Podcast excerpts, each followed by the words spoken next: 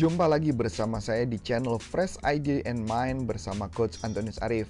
Dalam channel ini kita akan membahas bagaimana tentang mindset, motivasi, inspirasi, dan juga mengenai unek-unek saya ketika menghadapi klien atau siapa pun yang saya temui yang sebenarnya mereka punya potensi sukses tetapi mereka cenderung menyalahkan kehidupannya sehingga mereka tidak bisa bangkit. Nah, oleh sebab itu kita simak podcast kita yang berikut ini. Selamat mendengarkan. Saya mau ngeluarin unek-unek berkaitan dengan citra diri atau gambaran diri ya. Jadi beberapa waktu yang lalu saya pernah uh, menginterview salah satu orang wanita yang dia mau kerja di tempat saya. Yang sebelumnya dia cuma mama pendidikannya cuma SMK terus kemudian anak uh, orang ini sebelumnya kerja di toko. Tapi ketika saya interview kelihatannya saya tertarik sama uh, wanita ini untuk bekerja sebagai tim saya.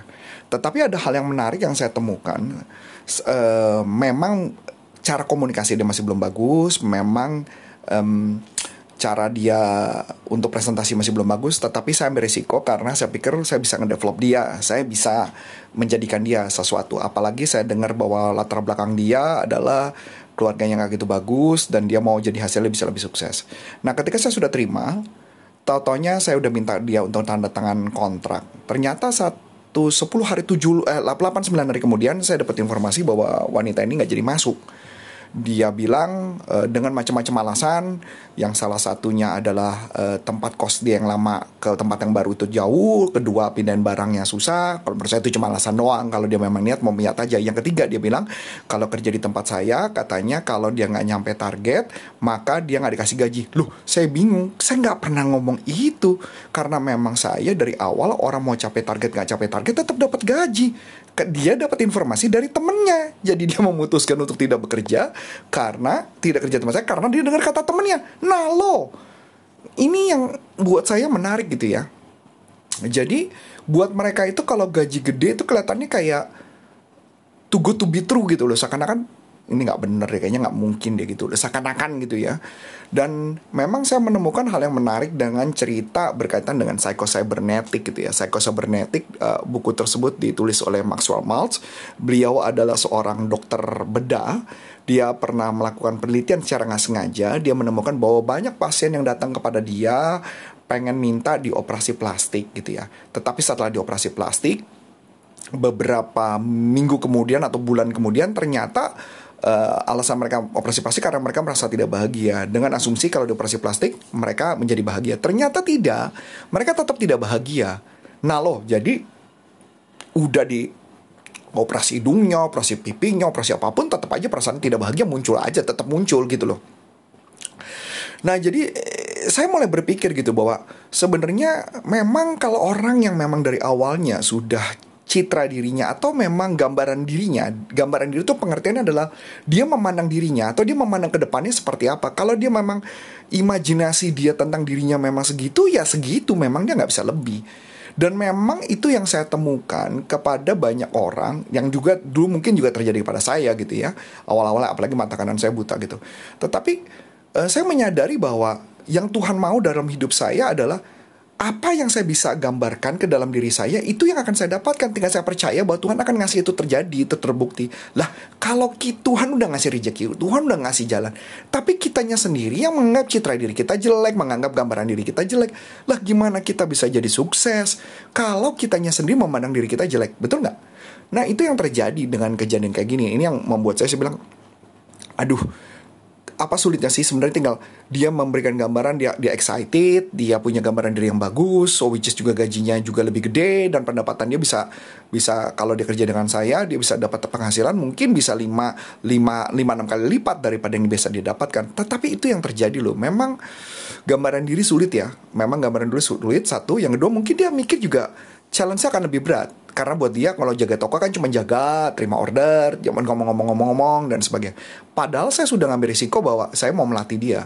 Buat saya memang menariknya adalah saya tipe orang yang suka mencari karyawan yang um, pengalamannya tidak perlu terlalu banyak. Karena kalau pengalaman terlalu banyak kadang-kadang yang saya temukan agak susah dibentuk. Karena kadang-kadang mereka merasa dirinya udah pinter gitu loh ya. Sedangkan buat saya pembentukan itu penting dari awal karena memang saya mengajarkan metode penjualan itu bener-bener konsepnya caranya ininya bener-bener saya drill gila-gilaan sih gitu. Karena saya percaya bahwa setiap orang bisa jadi gitu. Tapi balik lagi bukan berarti yang pengalaman juga enggak. Tapi kalau pengalaman buat saya gini resikonya. Pengalaman itu yang jadi masalah kadang-kadang gajinya udah terlalu tinggi tetapi uh, pembentukannya kurang bagus gitu loh. Jadi buat saya udah terlalu tinggi gajinya kecuali dia mau keterima kerja di tempat saya dengan gaji yang tidak terlalu tinggi saya bentuk dulu. Karena kalau pembentukan saya saya percaya bahwa bentuk itu paling sekitar sebulan lah, sebulan dua bulan. Ya so which is itu yang kadang-kadang orang nggak bisa terima karena gaji udah kegedean gitu langsung lihat. Itu itu sih undang-undang saya hari ini. Dan saya juga menemukan hal yang menarik adalah orang-orang yang ini ini sudah sering banget di pembicaraan di beberapa corporate dan beberapa orang tempat lain ya beberapa perusahaan ada orang-orang yang sebelumnya bekerjanya bagus, kerjanya bagus, kerja keras dan sebagainya. Tapi sampai satu titik ketika mereka sudah diterima sebagai karyawan, pekerjaan mereka menjadi jelek atau menjadi mulai hitungan dan sebagainya. Dan ini juga yang menjadi menarik buat saya. Uh, memang balik lagi ya orang kalau mau jadi besar tapi kadang-kadang mereka berasum enggak lah aku segini-gini aja udah cukup. Ya susah juga ya. Kalau pemikiran dari awal mereka tidak mau menjadi orang yang lebih besar lagi.